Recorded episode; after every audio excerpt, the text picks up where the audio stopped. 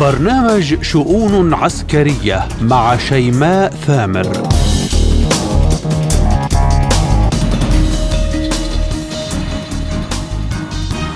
مرحبا بكم. لم تكتفي بالذخيرة والأموال التدريب والدبابات. كيف مدللة الغرب تطلب من برلين صواريخ كروز والأخيرة تقول دعمنا مستمر. الأسلحة النووية الروسية تتجه صوب بيلاروس باتفاق مع الجارة فما هي الصورة القادمة وما السيناريو الذي يفرض نفسه؟ بين مطرقة الهدنة المخترقة وسندان حرب الشوارع المستمرة الدفاع السودانية تقول يا متقاعدين التحقوا. وواشنطن تقول سنحاسب مخترق الهدنة فما خياراتها؟ وبنهاية اللعبة لمن ستقول كش ملك؟ عراب سياسي دبلوماسي ووزير الخارجية الأمريكية السابق هنري كيسنجر يؤكد الصين قوة عسكرية وخصم خطير لواشنطن. تايوان تقول حاملة طائرات صينية مرت من عندنا. فهل نبوءة كيسنجر باتت تقترب من الحقيقة؟ ومتى ستكون حلبة الصراع جاهزة؟ كل ذلك وأكثر بحلقة اليوم من شؤون عسكرية عبر وكالة سبوتنيك الإخبارية بموسكو. أصحبكم بها أنا شيماء ثامر. التفاصيل بعد الفاصل. ذكرت مصادر غربية أن كييف طلبت رسميا من برلين الحصول على صواريخ كروز بعيدة المدى قادرة على الوصول إلى موسكو. الصواريخ التي تطلبها كييف يمكن استخدامها لمقاتلات F-16 التي وعد الغرب بإرسالها إلى أوكرانيا. من جانبه قال المستشار الألماني أولاف شولتز أن ألمانيا ستستمر بدعم أوكرانيا بقدر ما تقتضي الحاجة لذلك. على الجانب الآخر قال الرئيس البيلاروسي ألكسندر لوكاشينكو أن نقل بعض الأسلحة النووية التكتيكية من روسيا إلى بلاده بدأ بالفعل. وكان وزير دفاع كل من روسيا وبيلاروسيا قد وقعا في مينسك اتفاقا حول البدء بانتشار التكتيكي لتلك الأسلحة. الأبواق الإعلامية الغربية اعتبرت أن تلك الخطوة رسالة من الرئيس الروسي فلاديمير بوتين وأنها خطوة جديدة بالفعل بين روسيا والغرب من شأنها تغيير المعادلة ميدانيا. للحديث عن هذا الموضوع ينضم معي من بغداد الخبير العسكري الاستراتيجي اللواء الركن الدكتور عماد علو مدير مركز الاعتماد للدراسات السياسية والإستراتيجية. أحييكم سيادة اللواء معي بشؤون عسكرية وشكرا على قبول الدعوة. بداية سيادة اللواء الدعم الغربي لكيف مستمر. وفي كل مرة ينتقل إلى مراحل متقدمة يعني من ذخيرة إلى دبابات ثم مقاتلات F-16 واليوم أوكرانيا تطلب صواريخ كروز من ألمانيا. آه، كيف تنظر إلى ذلك كخبير عسكري؟ بسم الله الرحمن الرحيم. آه، لم يعد خافيا أن آه، حلف الناتو يصعد من دعمه لأوكرانيا لاستمرار هذا الصراع أو هذه الحرب. على الرغم من الدعوات لحل هذه المشكلة بطرق الحوار والطرق السلمية ولكن يبدو أن حلف الناتو يحاول وبقيادة الولايات المتحدة الأمريكية طبعا آه، يحاول آه، تأكيد مشاركته في مواجهة أو في الحرب على روسيا من خلال أو الوكيلة النظام الأوكراني في كييف. وهذا لم يعد خافيا على أحد من خلال الدعم العسكري، الدعم بالأسلحة المتطورة التي تقدم من قبل دول الحلف إلى نظام آه، زيلنسكي في آه، أوكرانيا.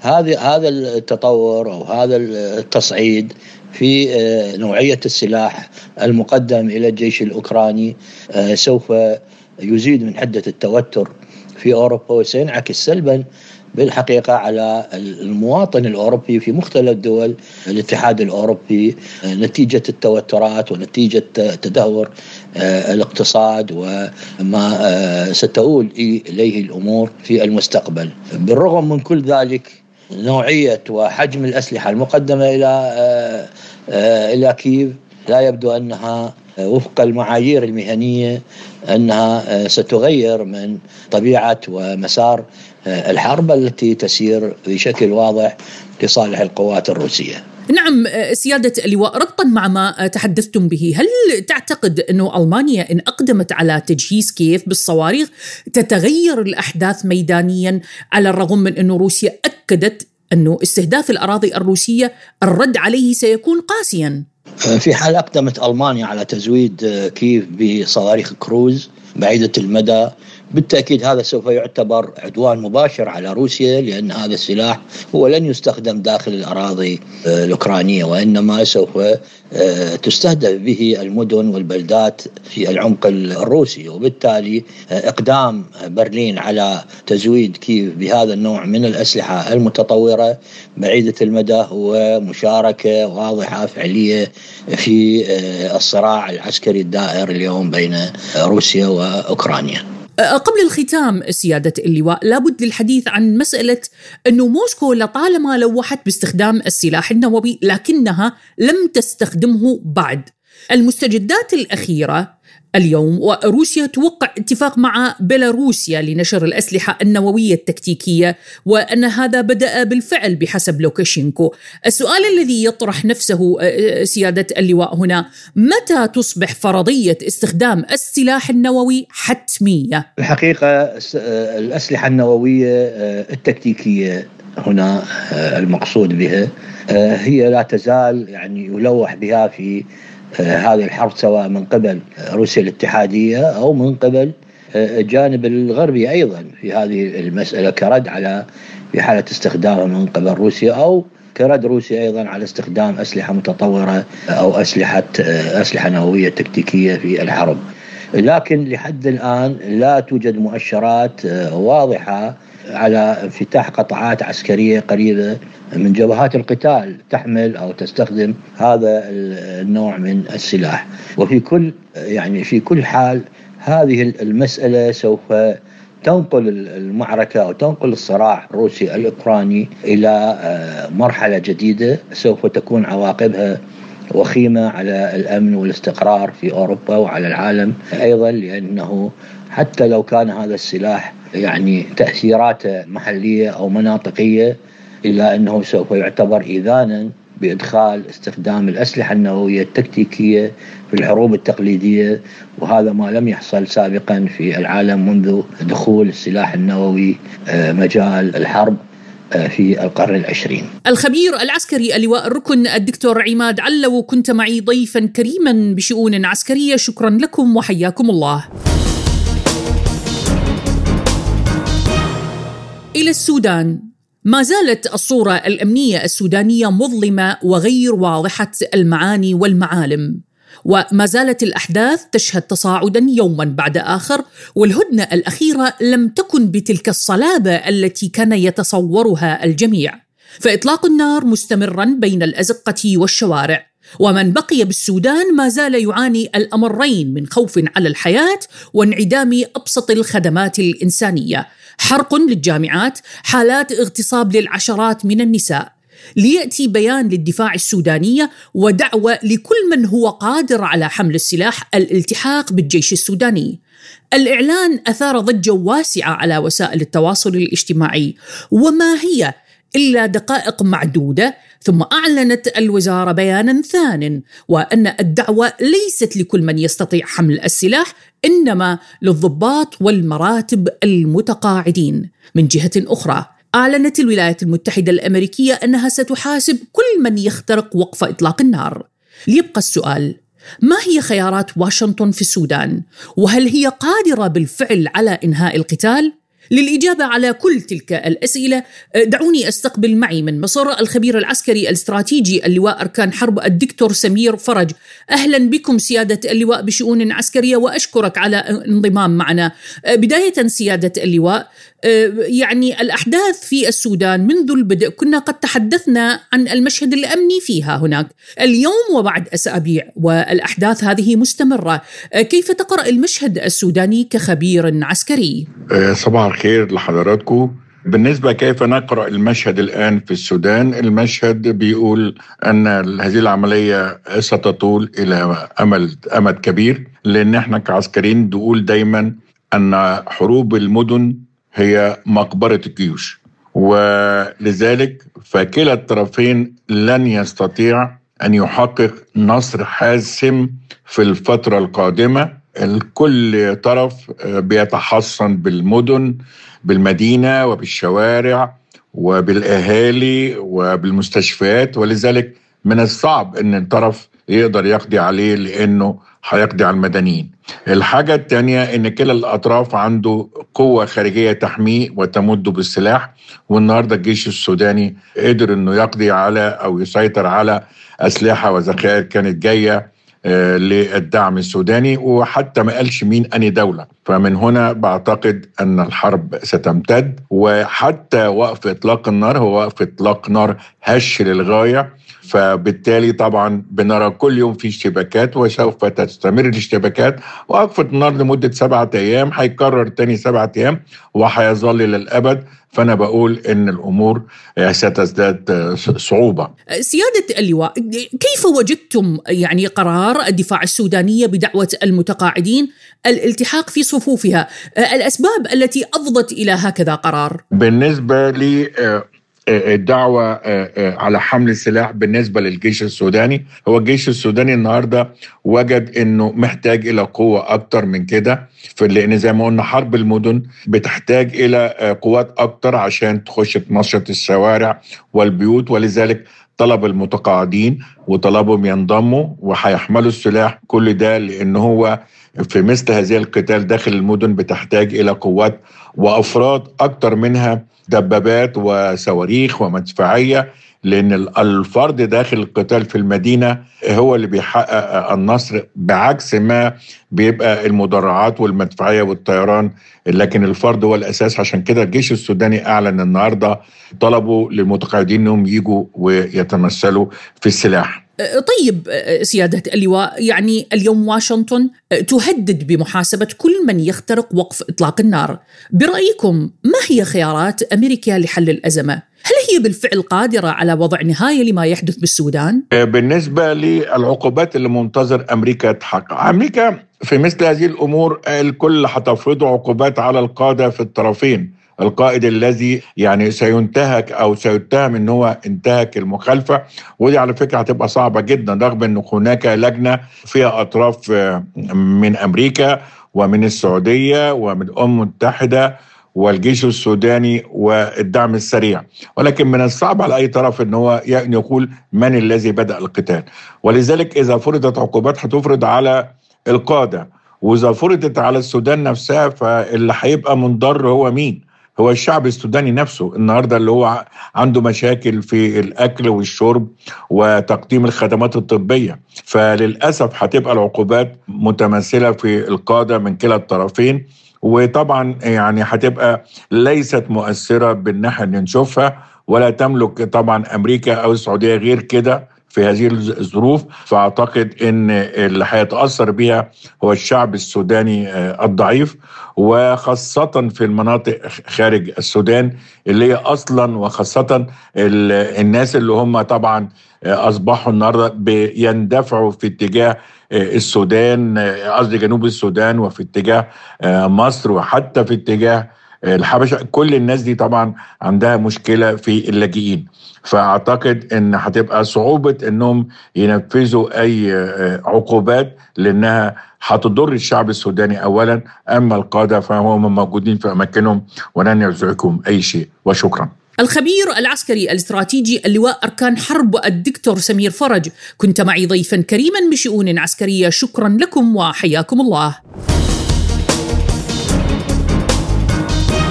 اللقاءات التلفزيونية والصحفية مع كبار المسؤولين بالأجهزة الأمنية والعسكرية وحتى السياسية. غالبا ما تكون نتائجها محملة بالعديد من التصريحات التي من شأنها عرض العديد من التساؤلات. ومقابلة صحفية لوزير الخارجية الأمريكي الأسبق هنري كيسنجر كانت كفيلة بطرح العديد من علامات الاستفهام خاصة بعد تصريحه حول الصين والولايات المتحدة الأمريكية. كيسنجر وصف الصين بقوة عسكرية خطيرة وأنها تعتبر خصم خطير بالنسبة لواشنطن. وأشار إلى أن التوتر بين الطرفين قد يتحول بأي لحظة لمواجهة عسكرية. وما إن انتهت المقابلة حتى ضجت وسائل الإعلام والصحافة بطرح السؤال التالي هل كيسنجر يتنبأ بتلك المواجهة أم أنه يتحدث عن حقائق ملموسة؟ للحديث عن هذا الموضوع أستقبل معي عبر الهاتف الخبير بالعلاقات الدولية والأمريكية الدكتور حيدر سلمان. أهلا بكم دكتور حيدر معنا بشؤون عسكرية وأشكرك على تلبية الدعوة. أه، بداية دكتور كخبير بالعلاقات الدولية والأمريكية أه، كيف قرأتم تصريحات كيسنجر أه، بما يخص قوة الصين العسكرية وأنها خصم خطير لأمريكا؟ أهلا وسهلا شيماء وشكرا جزيلا على الاستضافة. الحقيقة يعني هو وزير الخارجية الأسبق كيسنجر اللي طبعا بالتأكيد بلغ 100 عام يعتبر واحد من أهم المنظرين السياسة الأمريكية ولديه من الخبره المتراكمة بما يجعله يعني تصريحاته تكون ذات صدى إعلامي كبير. طبعا هو ما قال في صحيفة الول ستريت جورنال يعني كان الحقيقة يعني أقرب السيناريوهات الحقيقة في في الشأن الصيني الأمريكي. الحقيقة الصين اليوم يعني الكل يتفق إنها يعني قوة إقليمية كبيرة آه، وقوة عالمية عفوا وإقليمية في منطقة بحر الصين تحديدا والصراع على بحر الصين وملف تايوان ومضيق تايوان صراع كبير قد يؤدي إلى يعني نزاع عسكري بأي لحظة بالتأكيد. أما كونها خصم خطير للولايات المتحدة هذا هو يعني بديهي والكل يعلمه. وبالتالي نحن أمام سيناريو بصراحة أغرب ما يكون إنه صراع حضارات وثقافات مختلفة. والأقرب يعني إنه الأقرب يعني أقرب سيناريو حاليا إنه سيكون هناك صراع في وقت ما لكن متى؟ يعني من الصعب تحديده مع تنامي القوتين. أعتقد إنه في لقاء سابق أنا كنت يعني وضحت إنه الصين يعني هي قوة عسكرية فعلا كان لديها فرق زمني بينها وبين الولايات المتحدة لكنها ملأت هذا الفراغ بتسارع زمني آه، سريع جدا وكذلك بعلاقاتها المتميزة مع روسيا القوية عسكريا. استطاعت أن تملأ جزء كبير من هذا الفراغ بالتأكيد لن تصل إلى مرحلة التي وصلت له الولايات المتحدة لكن الواقع يقول أنها حاليا يعني أقرب ما تكون هي المنافس الأكبر والأول للولايات المتحدة والتأكيد ليس فقط على المستوى العسكري وكذلك على المستوى السياسي إذا تلاحظين يعني هي الصين استطاعت أن تستحوذ على 72% ممن كانوا سابقا هم حلفاء للولايات المتحدة أه، بأساليب سياسية وأغلبها اقتصادية من نثر أموال ومبادرات أعتقد يعني هي حاليا هي تعتبر الأكثر رواجا بالعالم مسألة أه، الحزام والطريق وبناء مدن اقتصادية. ولمن لا يعلم حاليا شرق آسيا وأفريقيا تكاد تكون كليا هي يعني تعتمد كليا على المال الصيني.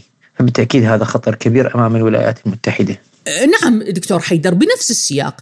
أشار كيسنجر إلى أن التوتر بين الجانبين قد يتحول بأي لحظة لمواجهة عسكرية. برأيكم إلى أي مدى ممكن أن تتحقق تلك النبوءة؟ إن صح التعبير أم أن واشنطن لا هي اليوم بأوكرانيا؟ أما يعني ذهاب كيسنجر إلى أن التوتر بين الجانبين ممكن أن يتحول إلى لحظة مواجهة عسكرية نعم بالتأكيد هذا أحد أهم السيناريوهات اللي طبعا هو موضوع الحديث اليوم. لكن الواقع يقول إن الولايات المتحدة لو عرجنا على طريقة تعاملها يعني على عكس الصين التي تستخدم الصين طبعا هي لمن لا يعلم تستخدم سياسة الاحتواء ونثر الأموال وتواجه الولايات المتحدة ليست في هذه المنطقة الإقليمية لكن على مستوى العالم. وأعتقد إنه أنا عرجت عدة مرات سابقا استطاعت أن تمد أذرع لها خارج يعني المنطقة الإقليمية حول الصين. يعني لمن لا يعلم هي استطاعت أن تستحوذ على يعني جزء كبير من آسيا وكل أفريقيا تقريبا وأمريكا الجنوبية على عكس الولايات المتحدة التي هي تحاول أن تطوق الصين في منطقتها الإقليمية. إذا تلاحظين يعني هي استخدمت أسلوب الكماشة حولها وهذا الأسلوب هو تقريبا معتمد لدى الولايات المتحدة مع كل من يعاديها. يعني حول إيران مثلا حول روسيا حول الصين حاليا وهو ملف خطير جدا بالنسبة للولايات المتحدة لأن الولايات المتحدة تعلم أنها المنافس الأشرس وهي تحاول وأعلنت سابقا الصين أنها تريد تغيير النظام العالمي بإعتماد أنظمة جديدة سواء اقتصادية مالية سياسية على كل الأصعدة. المواجهة العسكرية نعم هي بالتأكيد سيناريو كبير ومحتمل لكن الولايات المتحدة هي الحقيقة لديها أسلوب التعامل مع من يعاديها. فإن كان يناظرها بالقوة هي تحاول دائما أن تماطل أو تزيد بالفترة الزمنية معه في احتمالية إضعافه إيه، لحين ما يكون في أضعف حالاته تهاجمه. لكنها إن كانت بنفس القوة ونفس المستوى بصراحة لا تواجهه بل تحاول الذهاب إلى مفاوضات قدر الممكن.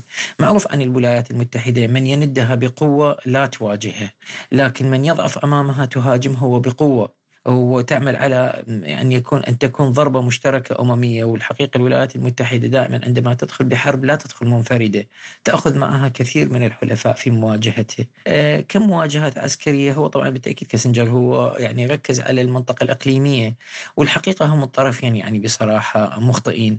إذا تلاحظين يعني هو الصراع البشري على الأراضي أصبح طويل وكبير. والصراع هذا امتد للأسف يعني حتى للبحار يعني حاليا المحيطات والبحار والأقطاب يتم تقسيمها بطريقة يعني سمجه فقط للقوى العظمى، يعني وهذه مشكلة كبيرة إنه لم تعد هناك ما تسمى قوانين أعالي البحار وقوانين الملاحه المشتركه، يعني وبالتالي الحقيقة الصراع حاليا هو في أعالي البحار وهذه المناطق اللي نتحدث عنها من المفترض أن يكون هناك حرية بالحركة بها، لكن الولايات المتحدة يعني تحاول أن تسيطر حتى على المحيطات العالمية بقوتها العسكرية. وبالتالي يعني ترى أن أي دولة ولو كانت آه، لديها قطع عسكرية تحاول أن تمررها من تلك المناطق هي تعتبرها منافسة، فالواقع يقول إنه العودة إلى آه، حرية الملاحة بالأعالي البحار يعني يفض النزاع.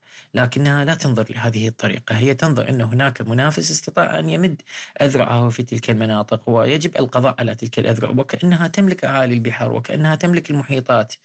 آه، طبعا للعلم هو بحر الصين هو يعني كاسم يعني هو الأقرب للصين كونها هي القوة يعني الأقوى في المنطقة. لكن لا يمكن منعها من أنه تكون لديها قطع بحرية من الحركة قربها يعني. هذا هذه مشكلة متجذرة على الولايات المتحدة أن تعلم ذلك. طبعا بالتأكيد يعني هي القوة البحرية الصينية تتنامى بشكل كبير والآن يعني بصراحة الصين تدشن حاملة الطائرات الرابعة.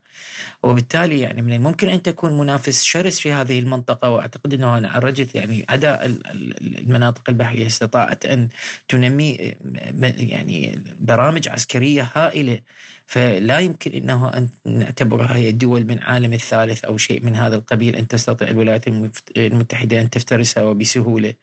الحقيقة يعني سيناريو المواجهة العسكرية حتى ولو حدث فهو سيكون محدود على أساس إن الولايات المتحدة تحرف تعرف تماما آه، قوة الصين وقدرتها على الرد وأعتقد إن هذا السيناريو ربما يكون الأضعف. قبل الختام دكتور حيدر، تايوان أعلنت قبل يومين عن عبور حاملة طائرات صينية من المضيق، بالتالي قد نشهد تحرك عسكري صيني بأي لحظة، وقد تكون عملية عسكرية خاصة. في حال حدوث هكذا سيناريو، ما هي خيارات الولايات المتحدة الأمريكية؟ آه، ملف تايوان طبعا هو بالتأكيد أمر مختلف تماما عن موضوع الحديث يعني عن أعالي البحار واحتمالية المواجهة ونشوب الحروب بين الصين الحقيقة يعني هذه ما نتحدث عنه أمر بين القوى الكبرى.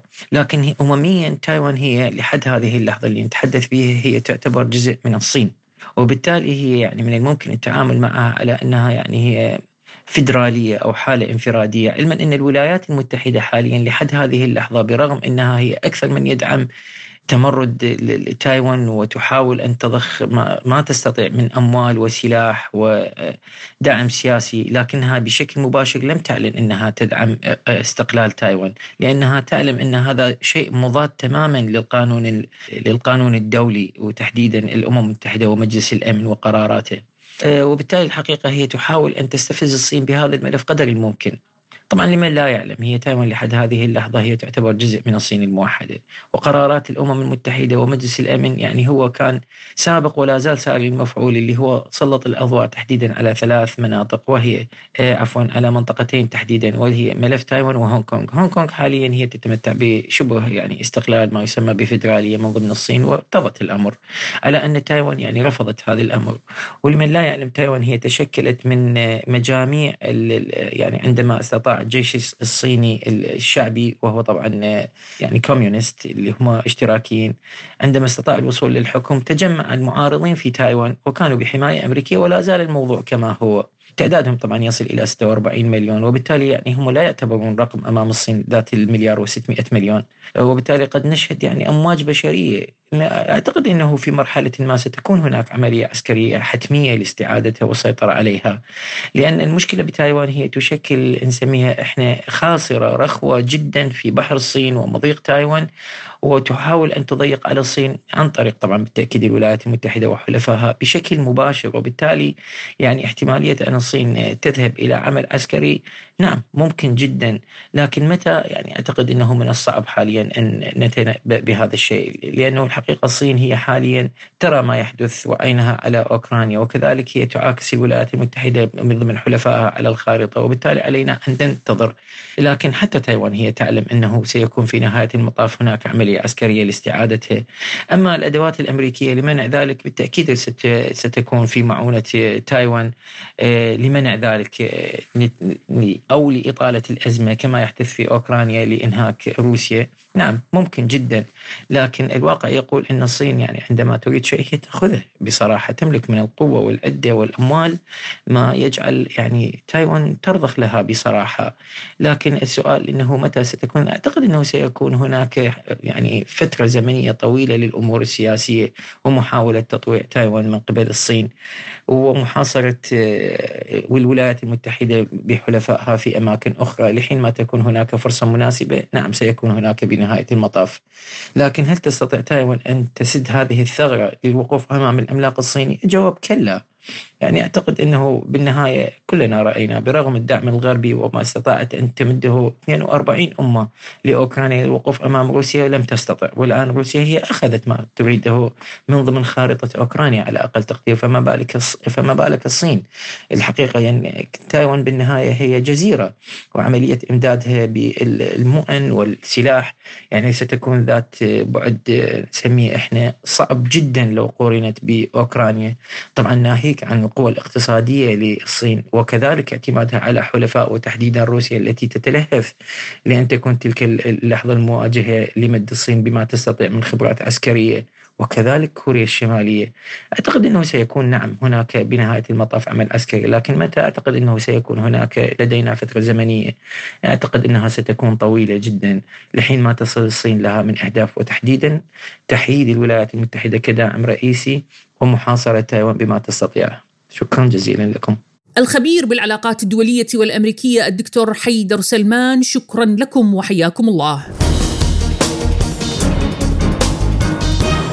إلى هنا أصل وإياكم مستمعينا الكرام لختام حلقة اليوم من شؤون عسكرية. رافقتكم بها من وراء الميكروفون محدثتكم شيماء ثامر. شكري موصول لضيوفي بالحلقة كل من الخبير العسكري اللواء ركن الدكتور عماد علو مدير مركز الاعتماد للدراسات السياسية والاستراتيجية الخبير العسكري الاستراتيجي اللواء أركان حرب الدكتور سمير فرج والخبير بالعلاقات الدولية والأمريكية الدكتور حيدر سلمان. للمزيد زوروا موقعنا الإلكتروني arabicsputnik.ie دمتم بأمان الله وحفظه.